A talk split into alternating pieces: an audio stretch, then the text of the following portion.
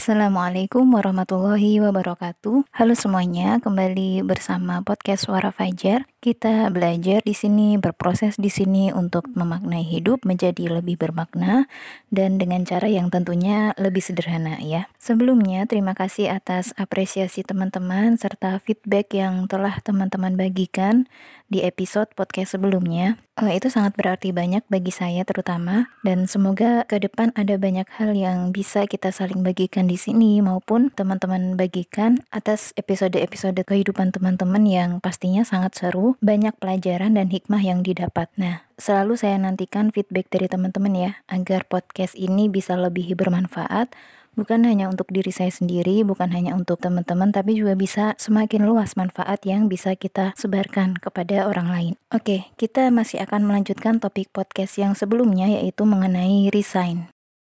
Di usia kita sekarang teman-teman yang rata-rata 20 sampai 30-an tahun ya, masalah pekerjaan, pernikahan, karir, keluarga itu akan menjadi poin-poin yang akan kita prioritaskan. Nah, di sinilah banyak dari kita yang mengalami kebingungan bingung luar biasa atau ya dilema lah galau bagaimana yang pernah juga saya alami ya tentang pilihan hidup yang akan kita ambil ke depan termasuk ketika kita harus memilih resign dari PNS dan memutuskan menjadi ibu rumah tangga sebagai prioritas dalam kehidupan kita. Uh, masih nyambung dengan episode sebelumnya di mana saya telah membahas beberapa alasan seorang wanita akhirnya memilih resign dari pekerjaannya. Saya pun merasa perlu untuk membahas persiapan dan tantangan apa saja yang akan dihadapi oleh seorang wanita dengan pengambilan keputusannya ini. Nah, tentu saja apa yang saya sampaikan di sini ini lagi-lagi sangat subjektif ya, berdasarkan pengalaman diri saya dan juga uh, cerita dari sahabat-sahabat saya yang uh, yang kemudian memutuskan menjadikan ibu rumah tangga sebagai pilihan hidup yang diambilnya ya. Langsung aja apa sih tantangannya dan apa yang harus kita persiapkan nih ketika kita akan mengambil keputusan resign dari PNS atau resign dari pekerjaan kita yang lain. Yang pertama, kita harus menyiapkan mental untuk menghadapi omongan orang. Ketika seorang wanita dalam konteks ini biasanya tuh wanita yang sudah menjadi istri, bahkan menjadi seorang ibu ya. Resign bukan perkara yang mudah, baik bagi diri wanita itu sendiri yang akan menjalani kehidupan setelahnya maupun bagi banyak pihak misalnya keluarganya, misalnya orang tuanya atau keluarga besarnya seperti itu. Uh, Oke, okay, dari diri kita dulu ya. Uh, kalau kita punya keinginan untuk resign dari PNS dari pekerjaan kita, lalu memantapkan diri akan menjalani profesi berikutnya yaitu sebagai ibu rumah tangga, maka kita tuh harus sudah siap dengan penilaian dan mindset yang banyak beredar di masyarakat terkait profesi ibu rumah tangga. Nah, ada yang kemudian DM ke saya ya setelah saya publish podcast episode Trisen sebelumnya yang part 1 ya. DM-nya seperti ini. Mbak, banyak yang ingin seperti sampean mbak, tapi sayangnya belum mendapat izin dari keluarganya. Sampean termasuk beruntung lah udah bisa keluar. Seperti itu. Nah, kemudian saya berpikir bahwa ya respon seperti itu biasanya itu berasal dari orang yang sudah merasakan pahit-pahitnya menjadi PNS ya. Atau seorang wanita yang kemudian uh, dia bekerja, tapi dia harus mengalami kondisi-kondisi seperti LDR, kemudian masalah pengasuhan anak, sebagaimana pernah saya bahas di podcast sebelumnya. Tapi uh, lagi-lagi uh, respon-respon seperti itu sayangnya hanya ada di sebagian kecil uh, dari masyarakat kita. Artinya, kebanyakan masyarakat kita masih mengidamkan profesi PNS bagi seorang wanita ya dan kemudian menomor sekiankan atau bahkan sampai ke taraf menyepelekan profesi, ini profesi dalam tanda petik ya, sebagai seorang ibu rumah tangga. Misalnya nih yang sering kali saya temui dulu ya, di awal-awal dulu setelah saya resign, eh, ditanya nih sama tetangga gitu sama orang, Loh sekarang kerjanya apa mbak? Langsung saya bilang kan, di rumah bu sudah tidak bekerja lagi. Lalu respon yang saya dapat apa? Oh, cuma di rumah ya? Cuma, cuma di rumah ya? Gak jualan apa gitu mbak atau nyari kerja yang lain? Seperti itu. Terus saya cuma bilang, belum bu, gitu ya. Jadi ada kata cuma, cuma di rumah ya. Nah, seperti itu. Itu kebanyakan ya. Kebanyakan masyarakat kita masih e, menganggap seperti itu. Juga ketika pulang kampung nih, bertemu dengan keluarga besar, bertemu tetangga di rumah kita dulu ya, rumah orang tua kita dulu, itu ditanya lagi nih, loh beneran kamu udah ngelepas PNS-nya? Terus saya jawab, iya bude, iya mbah, iya mbak. Dan apa respon setelah itu? Wala, kok eman-eman tenan yo. Saiki golek kerja yo angel, kowe malah mbok uculke kerjaanmu wong wis kepenak ngono. Nah, artinya, wala kok sayang sekali ya. Sekarang kan nyari kerja susah. Kamu malah ngelepas kerjaanmu. Orang udah enak begitu kondisinya. Nah, itu ya. Satu dua tahun pasca resign adalah waktu yang bisa dikatakan cukup berat bagi saya, cukup berat ya, dengan adanya pertanyaan-pertanyaan seperti itu gitu. Tapi ternyata teman-teman, di saya aja udah cukup berat ya.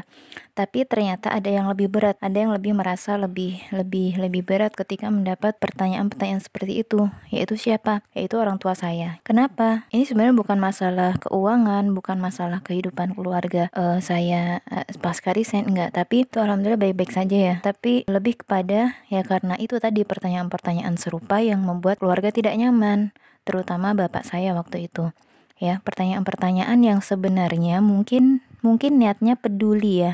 Tapi sayangnya kan kita nggak ingin ya jika setiap keputusan hidup dalam keluarga kita tuh uh, ada campur tangan dalam tanda petik kepedulian orang-orang. Yang bahkan orang-orang tersebut tidak ada sangkut paut hubungan darah sama sekali dengan kita. Nah, sering kali hal itu justru bukannya membantu, tapi justru memperburuk perasaan kami uh, pasca uh, kami resign gitu dalam penyesuaian diri kami. Tapi jangan khawatir, biasanya itu tidak lama. Ya, meskipun bisa jadi hitungannya hitungannya tahunan ya. Saya bahkan masih menerima pertanyaan yang sama, pertanyaan-pertanyaan seperti itu dari tetangga, itu bahkan setelah saya punya anak kedua. Saya hanya bisa bergumam dalam hati saya, ya Allah, kok masih dibahas juga ya kayak gini. Nah, seperti itu. Jadi, rasanya tuh rasa ingin tahu mereka tuh terlalu jauh gitu. Jadi, untuk teman-teman yang memang berniat resign, itu dipersiapkan aja sih menghadapi hal-hal yang seperti itu. Teman-teman maaf ya, kayaknya kok ini baper banget ya. Ya gitulah maklum orang feeling yang lagi ngomong di podcast ini jadi suka baper dengan pernyataan-pernyataan seperti itu. Tapi sekali lagi insya Allah itu bisa kita atasi. Pintar-pintarnya kita aja nih untuk ngerasa cuek ngerasa pura-pura nggak tahu tutup telinga masa bodoh lah dengan apa kata orang. Toh bukan mereka kan yang ngasih kita uh, makan tiap hari sekarang kan bukan mereka. Uh, toh kita ketemu mereka juga nggak setiap hari juga. Terus saya juga agak beruntungnya tuh ya alhamdulillah karena tinggal di komplek yang tidak terlalu banyak uh, mereka tuh ngurusin urusan keluarga yang lain gitu, tidak terlalu pusing dengan apa yang diputuskan oleh keluarga lain. Jadi saya lebih ya lebih aman-aman saja lah ketika ada di rumah saya sekarang. Mungkin kalau saya posisinya tinggal di sana bersama mereka, maka saya butuh tutup telinga yang lebih rapat lagi dan butuh menjaga hati sekali gitu, menjaga hati biar nggak nyakitin mereka, tapi juga hati saya juga tetap aman gitu. Jadi ya persiapkan hatinya, persiapkan mentalnya. Itu yang pertama ya. Nah, yang kedua, kita harus mempersiapkan mental juga nih. Kemudian kita harus menyadari betul fungsi kita di rumah tangga itu nanti akan seperti apa. Jangan sampai kita sendirilah yang kemudian dalam tanda petik menurunkan derajat peran kita sendiri sebagai ibu rumah tangga. Jujur ya, selama menjadi ibu rumah tangga, itu banyak sekali momen naik turunnya, terutama akibat perasaan yang uh, seperti rasa tidak berguna, tidak tidak berdaya, tidak produktif, kemudian tidak bisa diandalkan, tidak bisa menghasilkan uang, tidak punya prestasi, dan sebagainya. Perasaan-perasaan itu sering datang gitu. Pemicunya itu seringnya adalah karena medsos ya. Medsos yang setiap hari kita pegang ini, itu sering sekali menjadi pemicu perasaan, datangnya perasaan-perasaan seperti itu. Misalnya ngelihat status teman seangkatan yang uh, karirnya itu sudah sampai melalang buana ke mana-mana, kemudian dia udah melanjutin sekolah S1, S2 di dalam dan luar luar negeri, kemudian belum masalah prestasinya yang yang tidak biasa gitu.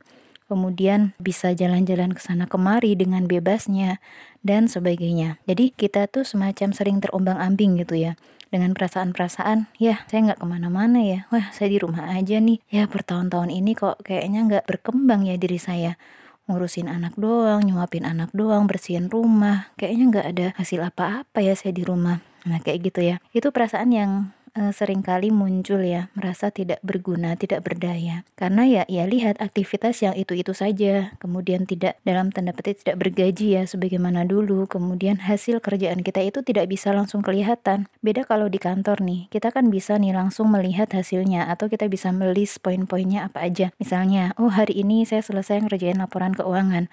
Oh hari ini selesai bikin aplikasi A, bikin aplikasi B. Oh hari ini selesai menghandle persiapan rapat bersama menteri. Oh hari ini selesai ngurus nota dinas sekian puluh halaman, itu langsung kelihatan.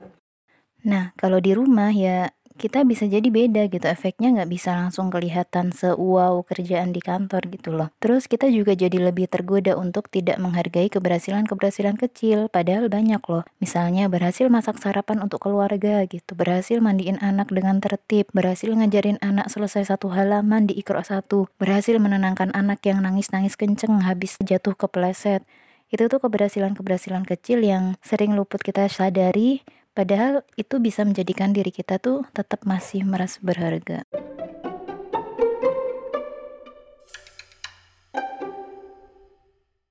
Ya, mungkin dampaknya tidak tidak nampak sekarang sih ya dan mungkin tidak ada penghargaan yang kemudian disampaikan kepada kita meski sekedar uh, ucapan terima kasih tapi dampaknya bisa jadi nanti pas anak kita sudah dewasa. Lalu dia ada perasaan bahwa oh ibunya selalu hadir selama ini untuk dia gitu. Dan dia bisa jadi lebih dekat dengan kita juga. Dia mau lebih terbuka dengan kita.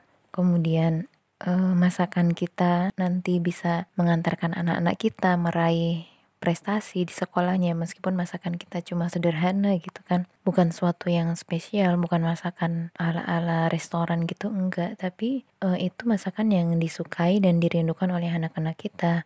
Kemudian buku ikro yang kita ajarkan itu bisa menjadikan mereka kelak nantinya itu sampai selesai menghafal Al-Quran. Ya tapi kan lagi-lagi hasil-hasil itu bukan sebuah proses yang singkat bukan dalam waktu setahun dua tahun. Bahkan bisa jadi belasan sampai puluhan tahun baru kita uh, baru nampak hasilnya. Nah, maka kita sebagai ibu itu perlu rutin nih mengulang kembali perasaan-perasaan bahwa kita itu sebagai ibu rumah tangga tuh kita tuh berharga kok. Perasaan bahwa hey kamu tuh dibutuhkan loh sama anakmu. Kamu tuh uh, ditunggu anakmu loh untuk uh, mengajarkan mereka alif bata. Tuh rumahmu tuh butuh loh sentuhan karya supaya lebih indah, supaya lebih rapi, tuh rumahmu tuh butuh loh candaan-candaan, kisah-kisah yang lucu yang keluar dari kisah-kisahmu, dari dirimu. Oh, anakmu tuh butuh loh dipeluk oleh ibunya ketika dia sedang menangis setelah berantem dengan adiknya, dengan kakaknya. Ya itu perasaan-perasaan yang kemudian akan membuat kita kembali merasa berharga, merasa dibutuhkan. Paling tidak kita tahu bahwa uh, kita dibutuhkan oleh keluarga kita. Seperti itu merasa bahwa ibu rumah tangga itu bukan kata dalam tanda petik cuma bukan kata hanya. Tapi kami itu ibu yang yang meskipun dengan keterampilan uh, dengan pendidikan dengan kekuatan dengan keahlian yang yang mungkin tidak luar biasa tapi ya kami yakin bahwa kami bisa menemani keluarga ini menjadi lebih baik lagi. Dan semoga jalan yang kami pilih ini bisa membawa kami berkumpul di surga. Seperti itu. Oke ketiga perasaan yang harus kita siap untuk nanti rasakan adalah siap dengan perasaan bosan ya. E, kalau di rumah itu jenuh itu pasti ada ya. Saya sudah pernah membahasnya di podcast sebelumnya, judulnya ketika ibu rumah tangga jenuh. Nanti bisa kalian simak di sana, bisa teman-teman simak biar lebih lengkap pembahasannya. Proses berdamai dengan rasa jenuh ini tentu tidak sebentar ya. Bahkan sam sampai bertahun-tahun setelah menjadi ibu rumah tangga pun masih juga kok sering ngerasa bosan, ngerasa jenuh. Terus gimana? Ya udah, nggak apa-apa. Itu ya ya wajar gitu. Jangankan ibu rumah tangga ya, pas kita kerja dulu pun kalau memang pas masanya capek, pas jenuh, pas bosen ya ya udah bosan-bosan aja, ya capek aja, ya jenuh aja gitu. Jadi bukan masalah perasaannya tapi bagaimana langkah kita berikutnya yang kita ambil begitu. Nah, selanjutnya yang perlu kita persiapkan dan kita tata adalah mindset kita tentang rezeki. Entah itu berasal dari diri kita sendiri maupun dari keluarga, terutama dari orang tua ya. Oh ya, tentang keluarga ini, teman-teman saya itu banyak yang mendapat penolakan saat mengajukan resign itu karena orang tua mereka khawatir nanti anaknya hidupnya gimana. Jadi mereka tidak mendapat persetujuan dari keluarganya. Nah ini sangat wajar sih. Bukan berarti kita kemudian ketika kita punya keinginan resign terus kalau orang tua kita nggak nggak setuju terus kita kekeh gitu menentang orang tua kita. Nggak nggak nggak gitu juga. Apalagi orang tua kita yang sudah mungkin mengalami pahit-pahitnya susah-susahnya ngumpulin uang untuk kita anak-anaknya ya bisa jadi mereka memang tidak ingin anaknya kesusahan seperti mereka dulu. Nah untuk pembicaraan bersama orang tua tentu tidak bisa satu dua kali pertemuan itu perlu bertahap, perlu dengan strategi sesuai dengan bagaimana orang tua kita. Mungkin kita juga perlu mencari solusi gimana supaya orang tua kita tidak perlu terlalu khawatir dan mereka merasa yakin bahwa kita akan baik-baik saja kok selepas resign ini. Misalnya kita persiapkan cadangan peluang kerjaan lain gitu yang bisa kita kerjakan meskipun cuma di rumah atau paling enggak kita punya tabungan yang sekiranya bisa membuat orang tua yakin lebih tenang untuk oke okay, tidak apa-apa kamu resign aja seperti itu. Tapi yang memang paling penting di set adalah di dalam pikiran kita ya, di dalam benak kita bahwa mindset kita secara pribadi tentu bersama pasangan ya. Jika sudah menikah ya bahwa rezeki itu bukan dari pekerjaan kita, bukan dari gaji PNS ini, tapi dari Allah. Kalau pintu satu tertutup, insya Allah rezeki kita akan mengalir dari pintu yang lainnya. Misalnya dari pintu rezeki suami kita ya. Pas dulu saya resign dari PNS, itu kan artinya gaji saya sudah nggak dapat kan ya. Tapi alhamdulillah pas masa itu ternyata Allah naikkan gaji suami saya menjadi hampir dua kali lipat gitu. Jadi ya seperti tidak ada perubahan pemasukan, tidak ada perubahan yang drastis lah dari pemasukan kami atau pengurangan drastis dari pemasukan kami. Tapi tentu tidak semua seperti itu. Jalan rezeki seorang kan beda-beda ya. Bisa habis resign itu jadi lebih mudah atau bahkan bisa lebih sulit. E, mungkin sampai mengalami masa-masa sulit dalam perekonomiannya. Tapi yang penting dari awal kita sudah persiapkan mental kita dan e, persiapkan pintu-pintu rezeki yang mungkin bisa kita ambil, bisa jadi pintu yang lain dalam keluarga kita. Sambil terus perbaiki takwa kepada Allah karena wa may yattaqillaha yaj'al lahu makhraja wa yarzuqhu min haitsu la yahtasib. Siapa yang bertakwa kepada Allah, Allah akan berikan jalan keluar dan Allah berikan rezeki dari jalan yang tidak disangka. Oh iya, nyambung lagi masalah rezeki ini ya kita harus siap nih mengubah gaya hidup. Misalnya, kita benar-benar tidak punya pekerjaan lain, pintu rezeki lain dari selain dari suami kita, yang mungkin jatuhnya uh, gajinya akan tidak sebesar dari kalau dua-duanya bekerja kan. Tentu perlu menyesuaikan semuanya seperti dengan hidup yang lebih sederhana, gaya hidup yang ya udah biasa aja gitu. Tapi kalau sebelumnya memang sudah sederhana, nggak ada yang aneh-aneh, nggak terlalu berpengaruh sih. Tapi misalnya sebelumnya punya gaji sendiri itu kita sering mungkin nongkrong di restoran-restoran mewah, kedai-kedai kopi yang elit gitu. Nah, mungkin itu kita perlu mengerem lah ya. Namun lagi-lagi ya kita lihat kondisi ekonomi suami kita juga kalau suami kaya tujuh turunan ya mungkin tidak terlalu masalah ya. Hmm. bercanda. Tapi intinya sesuaikan gaya hidup. Ya sesuaikan gaya hidup. Bersiap untuk nanti hidup lebih sederhana ketimbang ketika masih punya gaji sendiri. Itu sih. Oh iya termasuk juga kita harus siap dengan status dan peluang berkarir di kantor yang hilang. Oh, harus siap juga nih tiba-tiba di grup angkatan yang seinstansi dulu itu ada yang kemudian memberikan ucapan selamat atas pelantikan satu dua orang kawan yang telah menduduki jabatan tertentu atau kenaikan pangkat dan sebagainya. Biasanya tuh muncul perasaan, wah kalau dulu nggak keluar, mungkin saya juga udah naik golongan kali ya, udah jadi fungsional kali ya, udah jadi pejabat kali ya, udah dapat beasiswa tugas belajar kali ya, gitu. Ya nggak apa-apa ya, wajar lah ya. Uh, makanya biasanya untuk kemudian menghilangkan perasaan-perasaan itu kita bisa tuh kasih selamat ke teman-teman kita tadi. Insya Allah perasaan uh, beradik-adik itu bisa sedikit berkurang ya karena kita turut bahagia dengan pencapaian orang lain apalagi ini teman kita sendiri kan. Nah, termasuk juga pastinya kita tidak lagi bisa memanfaatkan fasilitas kantor dan tidak bisa menyandang prestis sebagai seorang PNS yang di masyarakat itu sangat diidamkan, cukup diidamkan lah ya. Mungkin jabatan jabatan dalam tanda petik jabatan kita sebagai ibu rumah tangga memang tidak terlalu dipandang nih di eh, masyarakat. Mungkin juga ucapan kita menjadi tidak terlalu didengarkan daripada ketika kita masih punya status pekerjaan dalam kehidupan kita. Nah, kita perlu siap juga nih dengan hal ini. Tinggal bagaimana kita membawa diri supaya kita tetap punya nilai lebih, terutama tetap punya nilai di mata keluarga keluarga kita. Ya bahkan kalau bisa sih keluarga kita, keluarga kecil kita tuh merasa bersyukur dengan kita keluar dari pekerjaan. Tapi jangan juga jadi beban sih, jangan jadi beban. Cukup lakukan apa yang menjadi tugas kita sehari-hari di rumah dan temani anak sebisa mungkin dengan perasaan bahagia. Meskipun ya nggak nggak bisa selalu bahagia sih, tapi insya Allah kehadiran kita eh, meski tidak ada orang tahu, meski tidak pernah diekspos ke mana-mana, orang pun tidak mengenal siapa kita, tapi keluarga kecil kita tuh merasakan peran kita di rumah itu harus banget kita tanamkan sebagai ibu rumah tangga. Kalau nggak gitu berat. Bekerja di wilayah sunyi memang lebih berat ujian ikhlasnya ketimbang bekerja di wilayah yang rame, yang rame orang banyak mengetahui dan bahkan uh, diharapkan dan dielu-elukan oleh banyak orang. Gitu. Semangat terus ya. Oke, okay, uh, eh, kita pun harus siap nih dengan me time yang semakin terbagi-bagi, semakin menipis. Kalau yang saya rasakan, pas di kantor dulu banyak me time-nya. Kalau di rumah, khususnya yang sudah punya anak, itu memang perlu mencari akal, menyusun strategi.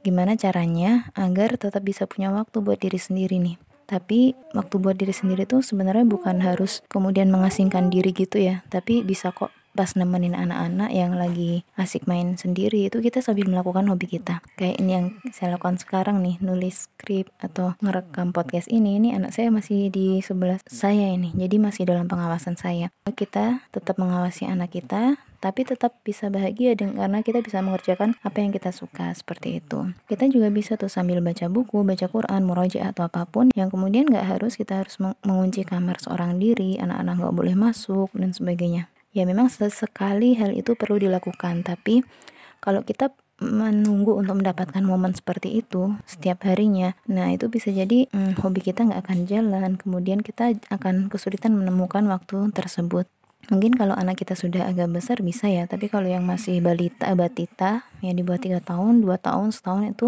tentu tidak mudah gitu. Jadi ya persiapkan untuk momen-momen yang seperti ini. Pintar-pintar nyari aktivitas yang bisa mempertahankan mood tetap bahagia dan mengembalikan mood yang sering terlanjur kacau karena satu dua kejadian bersama anak dan pasangan seperti itu. Eh, kok udah lama ya ngoceh ke sana kemarinya? Nggak taunya udah 20-an menit ya? Padahal masih banyak yang mau saya bahas. Dan ini kita baru persiapan mental, mindset, belum persiapan yang lebih teknis misalnya terkait dengan kantor, keluarga, dan sebagainya ya. Nah insya Allah kita akan bahas di podcast berikutnya aja ya teman-teman. Biar nggak bosen juga ya Kalau kelamaan nanti bosen. Saya yakin masih banyak yang perlu disiapkan uh, Tentang mindset ini. Apa aja yang perlu ditata Apa yang perlu kita pikirkan sebelum kita resign. Dan tentu saja belum saya bahas di podcast ini Lagi-lagi saya tunggu feedback dari teman-teman ya. Termasuk yang mau uh, ngasih masukan Ngasih kritik atau membantah dari beberapa hal yang saya sampaikan tadi Itu sangat-sangat boleh gitu ya. Termasuk teman-teman yang mau sharing lebih dalam lagi lebih banyak hal lagi itu sangat-sangat boleh banget sangat boleh banget. Nanti insya Allah dari apa yang sama-sama kita bagikan itu ya kita harap bisa kasih manfaat kepada teman-teman kita yang lainnya kan. Oke makasih sudah bersedia menyimak sampai akhir. Semoga ada manfaat yang bisa diambil dari perbincangan kita kali ini. Kita bertemu kembali di episode berikutnya. Wassalamualaikum warahmatullahi wabarakatuh